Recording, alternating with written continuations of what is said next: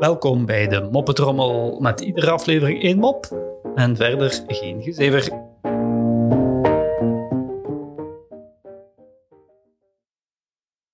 Een boer en zijn knecht zijn op het land aan het werk. Ineens zakt de boer tot zijn enkels in de modder.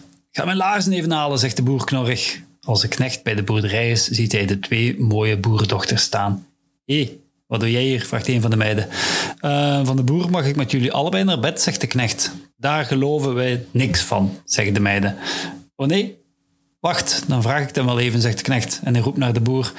Moest ik er nou één of twee pakken? De boer schreeuwt terug. Ja, allebei natuurlijk.